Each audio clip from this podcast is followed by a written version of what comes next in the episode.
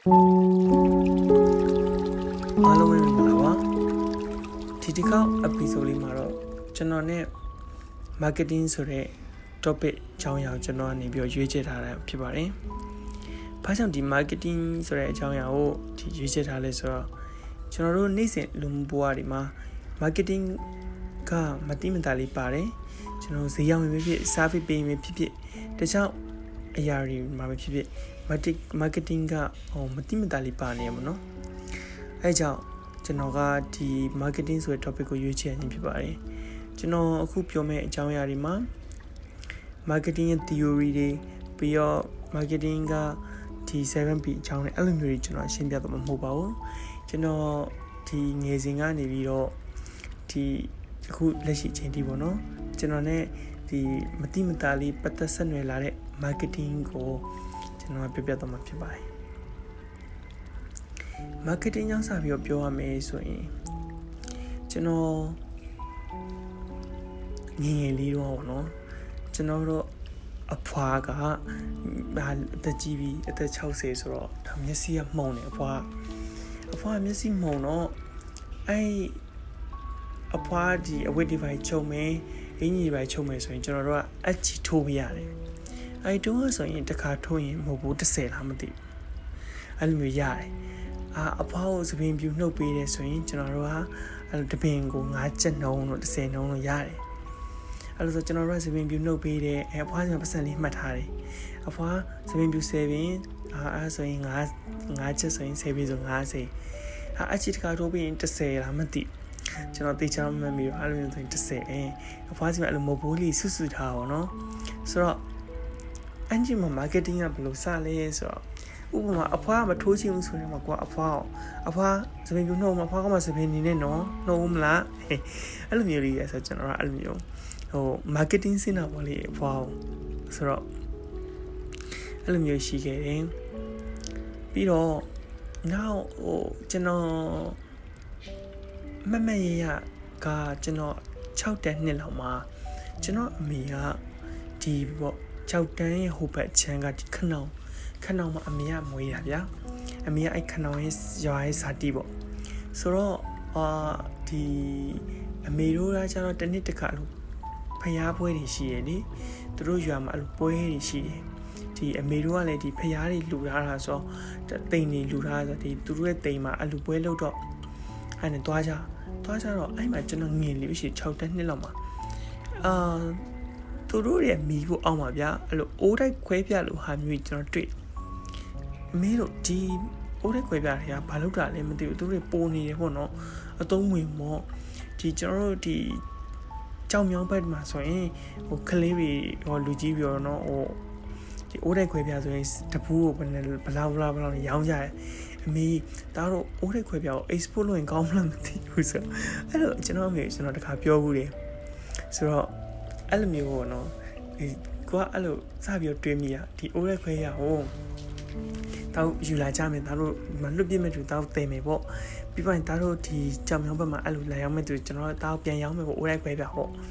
အဲ့အမေကရည်တယ်အပြအမေကပြန်ပြောပြအမားတွေကိုပြန်ပြောပြဟဲ့ဒီရွယ်လေးနဲ့အဲ့လိုမျိုးဈေးရောက်မှုတဲ့နေရာတွေးနေတယ်ဆိုပြီးတော့အဲ့လိုမျိုးဖြစ် so အဲ့နဲ့စတာပေါ့နော် အာနောက်တော့ကြတော့ကျွန်တော်တို့ဒီ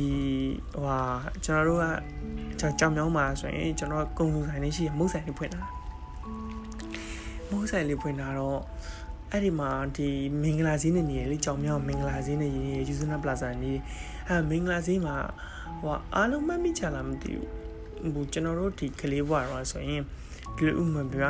အယုတ်ကကြီးရှိရဲ့အယုတ်ကကြီးမှာဆိုရင်အယုတ် 1နှစ်3နှစ်ငါတိကနေဘော30ထိအဲ့လိုနံပါတ်စင်တွေရှိတယ်ပေတကြားလုံးတွေလည်းရှိတယ်အဲ့တော့ဒီရုပ်ကကြီးရဗျာကျွန်တော်တို့ဝင်ရင်းစေးဆိုရင်1500ဗျာတိကနေ30ထိမှာစူမဲတွေဟိုတော့ဒီသူတို့1500နဲ့ညီမြောက်တော့ထည့်ပြထားတာပေါ့အဲ့ဒီမှာအကြီးဆုံးစူရ maybe တခုပေါ့ကစားစရာရုပ်ကားကြီးပဲထားပါတော့ဆိုအဲ့ဆိုအဲ့ရုပ်ကကြီးရဗျာဒီ1500ပို့ဆိုရင် အမှကလေးတွေကနေပြီးတော့လာပြီးတော့မင်းနိုင်မယ်အဲ20တမဲ20လားမသိတမဲ20နဲ့ဝင်မယ်အဲချိုးကြလဲဥပမာ90တန်ရုပ်ပေါင်နဲ့ပေါင်မယ်100တန်ရုပ်ပေါင်နဲ့ပေါင်မယ်အဲ့လိုမျိုးပြီးတော့ချိုးကြလဲတကြားလုံး9ချက်တန်လေးပဲရသွားမျိုးရှိဘလာတော့မပေါင်မဲကလည်းအခုအားလုံးပေါင်း30မဲအခု30ပေါ့မဲကအားလုံးပေါင်း29ခုပဲအဲ့မှာအကြီးဆုံးစုကအာကိုကရမယ်ဟာ အဲအဲ့လိုမျိုးမှာကျွန်တော်အဲ့လိုမျိုးအယုတ်ကတ်တွေဝယ်ပြီးတငယ်ချင်းတွေမဲနိုင်ခိုင်းတာလည်းရှိခဲ့ဘူးလေဆိုတော့အဲ့လို1500နဲ့ဝယ်တယ်ဗျာအဲ့မှာတကယ်နံပါတ်1မဲအကြီးဆုံးကကျွန်တော်ရပါအချင်းသေးပါအဲ့မဲမပါလာအောင်ဆိုတော့29မဲပါတယ်အကုန်လုံးမဲနိုင်သွားတယ်အကုန်လုံးဟိုဖြစ်သွားတယ်ဒါပေမဲ့နောက်ဆုံးကြံခဲ့တဲ့အဲ့အယုတ်ကကိုအတွက်အဲအဲ့လိုမျိုးလဲ marketing လုပ်ဖို့တယ်ပေါ့နော်ဆိုတော့ အဲ့ဒါနဲ့နောက်ကျွန်တော်၈တန်းလောက်ရောက်တော့အာအမားတွေကအဲ့ချိန်မှာအမားကျွန်တော်၈တန်းလောက်မှာကျွန်တော်အမားအကြီးကအိမ်အောင်ချတယ်အိမ်အောင်ချပြီးတော့မြောက်တကုံပဲပြောင်းနေတယ်မြောက်တကုံပဲပြောင်းနေအရင်တော့မြောက်တကုံဆိုတော့လည်းဒီအခုလိုမျိုးမစီသေးဘူးတည်းမှာဟိုတပင်နေခြုံတွေတွေနဲ့အရင်ရုံအခုလိုမျိုးကားလမ်းမကကွန်ကရစ်လမ်းမကြီးမရှိသေးဘူးအရင်တော့မြောက်တကုံသွားမယ်ဆိုရင်39ဖိုက်ဖူကြီးစီရတယ်မျိုး ပြီးတမတ်တိုင်တမတ်တိုင်ကိုလမ်းလျှောက်ရင်15မိနစ်လမ်းလျှောက်ရမျိုးဆိုတော့အဲ့တုန်းကဒီအမားတို့ရဲ့အိမ်သားမှာဟိုဒီပစ္စည်းအိမ်ရှိမြောက်တကုံမှာဒီပစ္စည်းလုပ်တဲ့အိမ်ရှိအဲ့ဒီပစ္စည်းကဘယ်ပို့လဲဆိုတော့ကိုရီးယားပို့ဒါသူတို့ပြောစကားပေါ့နော်ဟိုကိုရီးယားပွေဒီပစ္စည်းမြင်မှုလားမသိဘူးသူဒီပစ္စည်းအရန်ကိုမာတယ်ပြီးတော့ရင်ပလတ်စတစ်ကိုဆွတ်ပြီးတော့မှတေးချကျိုးနဲ့ချစ်တာ sorry ကျွန်တော်တို့ဒီပုံမှန်အပြင်ဒီဝလုံးကိုဝလုံးကိုပဲဒီဒီပစ္စည်းရိုးနဲ့ဆွတ်တာမဟုတ်သူကတကယ်ကို export quality မျိုးတော်တော်ကောင်းတယ်အဲ့ဒီမှာသူတို့မြောက်တကုံမှာဒီပစ္စည်းကအရင်က390မမရရ390ဒီပစ္စည်းအရင်ပေါ့နော်ဆိုတော့အမားတွေကအဲနေတဲ့ဒီပစ္စည်းရဲ့နေတဲ့ရောင်းပါလားတဲ့အဲကျွန်တော်အဲဆိုရင်ကျွန်တော်ဒီပစ္စည်းရောင်းမယ်ဆိုကျွန်တော်ဒီပစ္စည်းကိုကျွန်တော်လေဒီ export ဟို export တော့မဟုတ်ပေါ့နော်ကျွန်တော်ဒီပစ္စည်းကိုကျွန်တော်ဖြန့်ဖို့ distribution လုပ်ဖို့ရယ်အဲဘယ်လိုမျိုး distribution လုပ်လဲဆိုတော့အဲ့မှာအမားတွေအရင်ကိုရှင်လန်းဆိုတာနေပြီးနောက်တစ်ကားမှတ်တိုင် decision ရတယ်ဆိုတော့39ဖိုက်ပူကြီးစီးတာကျွန်တော်150လောက်ပေးရတယ်ဆိုတော့ကျွန်တော်အသွားပြန်ကားကားရင်ကျွန်တော်က400လောက်ကုန်တယ်ဗျာကျွန်တော်တစ်ခါသိရင်ဒီပစ္စည်းကိုအချောင်း20သေးတယ်အချောင်း20သေးတယ်390ဒီပစ္စည်းကိုကျွန်တော်ကအချောင်း20ဝယ်လိုက်တယ်ပေါ့နော် အဲဆိုတော့10ချောင်းကို3900အချောင်း20ဆိုတော့ကျွန်တော်တို့9800ဒါကျွန်တော်ရဲ့အရင်ပေါ့9800အဲ့မှာကျွန်တော်ကားကားနဲ့ဆိုရင်ကားကဟိုခွန်ရှိလန်းကနေသူတို့စီစဉ်90လားမသိဘူးဆိုတော့အသွားပြန်အလုံးမကားကားမှ400ပဲရှိတယ်ဆိုခုန9000နဲ့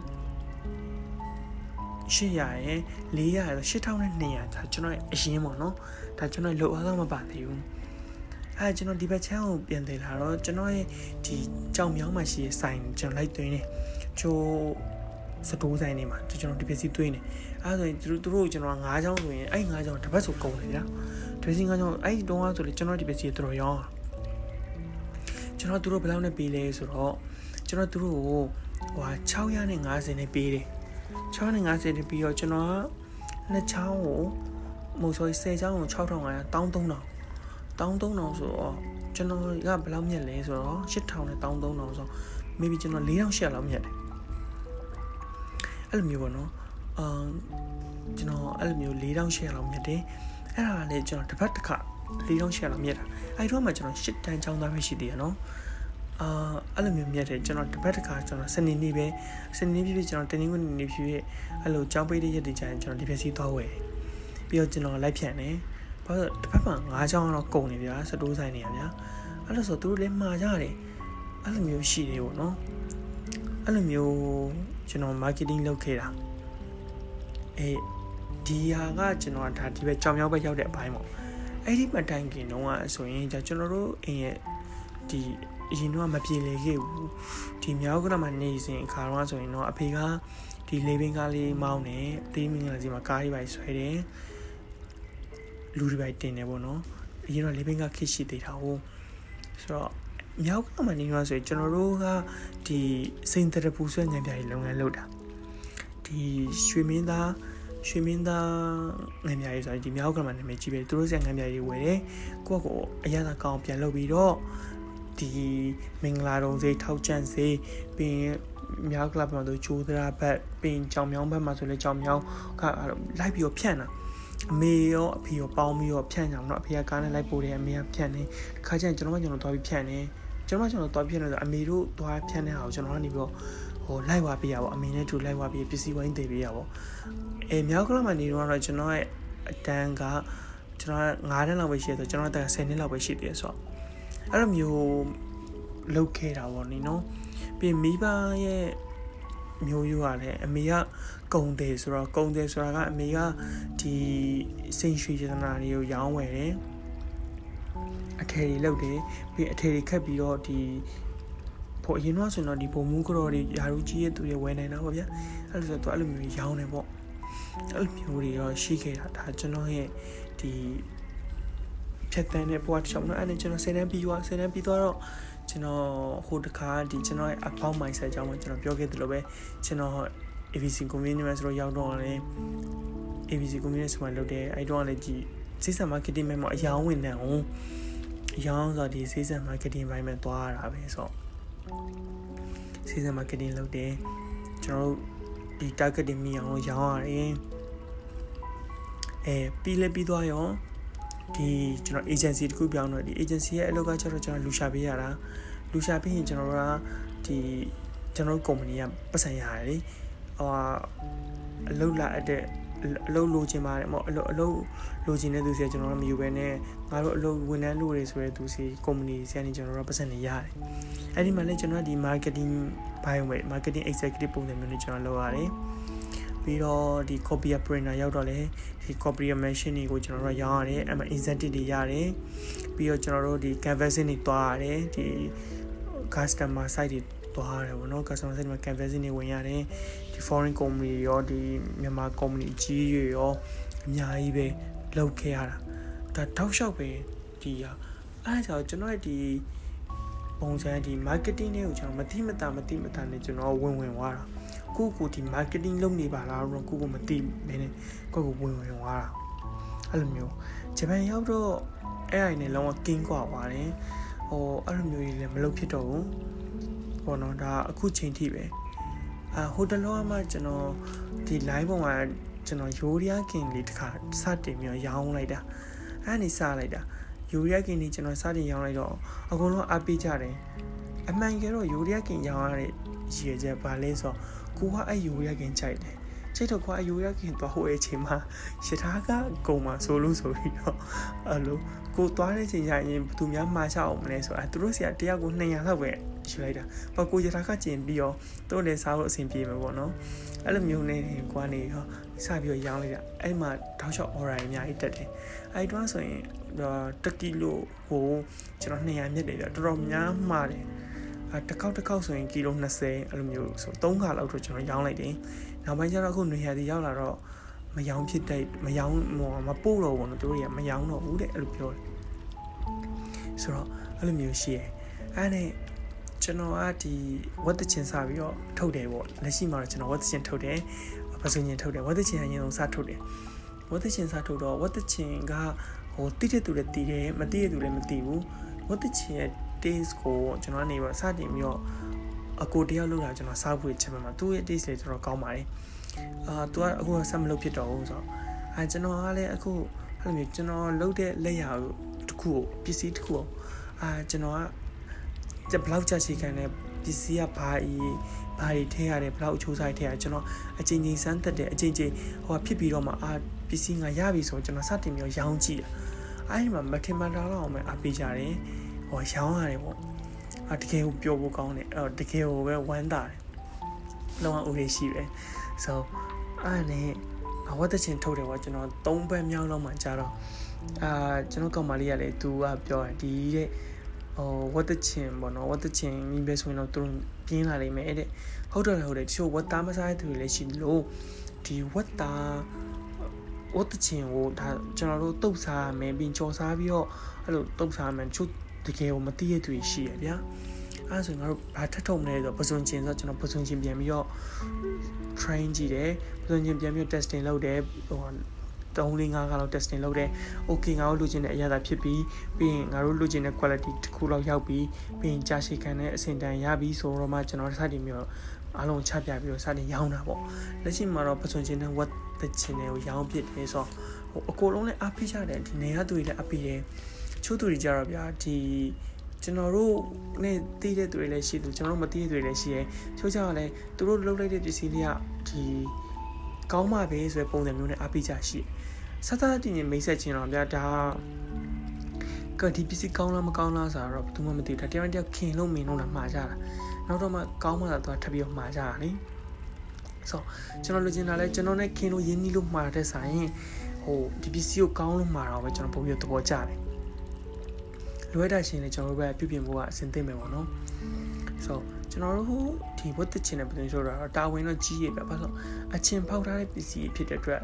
ယောဂပိုးမွားရည်လည်းရှိနိုင်တယ်ပြီးဝတ်သားဆိုရင်အရန်ဆိုးရဆိုတာဒီ bacteria အများဆုံးဒီဟိုဟာပါတဲ့အကောင်မျိုးစားပေါ့နော်အဲ့လိုဆိုကျွန်တော်ကတေးသေးချာချာလေးကျူးဆက်ရတယ်တေးချာလေးပို့တက်ကတယ်တေးချာလေးကိုပဲကျွန်တော်လုပ်ရတယ်ဆိုတော့ဂျပန်မှာတော့ဒီလိုမျိုးပစ္စည်းတွေအစားအသောက်တွေထုတ်တာတော့ဟိုမရတော့မရဘူးဆိုတော့ကျွန်တော်တို့အခုလက်မှတ်လေးနဲ့ကျွန်တော်တင်တန်းသွားတက်ပြီးတော့လက်မှတ်ယူပြီးတော့ထုတ်ဖို့တော့အစီအစဉ်ရှိတယ်ဆိုတော့ ကျွန်တော်ရဲ့ marketing ကဒီလိုပဲကျွန်တော် marketing ရဲ့အခုလုပ်နေချိန်မှာကျွန်တော်အာဒီပုံလေးတွေနဲ့ design လေးတွေနဲ့ကျွန်တော်ရဲ့ idea တွေးခေါ်လေးနဲ့ကျွန်တော်ရေးပြီးတော့အဲ့လိုမျိုးလုပ်ဖြစ်တာပေါ့လေဒါတွေကလည်းဟိုကိုတက်ခဲ့တဲ့အာဒီ business management တွေ marketing တွေကိုပြန်ပြီးတော့ဟိုအတုံးချတာပေါ့နော်အတုံးချတဲ့ပုံစံမျိုးပါပဲဟိုကိုယ်တိုင်လည်းဟိုတိနေတက်နေလို့တော့မဟုတ်ပါဘူးကျွန်တော်တို့လည်းလေ့ရစရာအများကြီးရှိသေးတယ် ဆိုတော့အဲ့လိုမျိုးကိုကိုယ်တိုင် marketing လောကတွေဟိုဘယ်လိုမှမသိပဲနဲ့ဟိုရောက်လာတဲ့အဖြစ်ပြက်လေးအခိုက်တန့်လေးတွေပေါ့နော်အဲ့လိုဆိုတော့ဟိုလူတိုင်းလူတိုင်းလည်းရှိမှာပါကိုကဒီ feed တွေကိုတဖြည်းဖြည်းနဲ့မတိမတာလေးဝင်ဝင်သွားတယ်အဲ့လိုမျိုးလေးရှိမယ်ပြီးကိုယ့်ရဲ့ငယ်ဘဝအမှတ်တရလေးတွေရှိမယ်ကိုငယ်ဘဝဘယ်လိုမျိုးဖြစ်တန်းခဲ့ရမျိုးလေးရှိကြမယ်လို့ထင်ပါတယ်ဆိုတော့ တကယ်လို့အဲ့လိုမျိုးလေးရှိခဲ့တယ်ဆိုရင်ဒီကျွန်တော်ရဲ့ post ရဲ့ comment အောင်မှာအားလုံးပဲရေးကြပါရေးပေးကြပါလို့ကျွန်တော်တောင်းဆိုချင်ပါတယ်ဆိုဒီတစ်ပတ်အတွက်ကျွန်တော်ရဲ့ဒီကျွန်တော်နဲ့ marketing ဆိုတဲ့အကြောင်းအရာလေးကတော့လောက်ပါပဲဆိုတော့နောက်ပတ်ဒီမှာလည်းကျွန်တော်တခြားအကြောင်းအရာလေးထပ်ပြီးတော့ပြောတော့ပါမယ်ခုလိုနားဆင်ပေးတဲ့သူတွေအားလုံးကျေးဇူးအများကြီးတင်ပါတယ်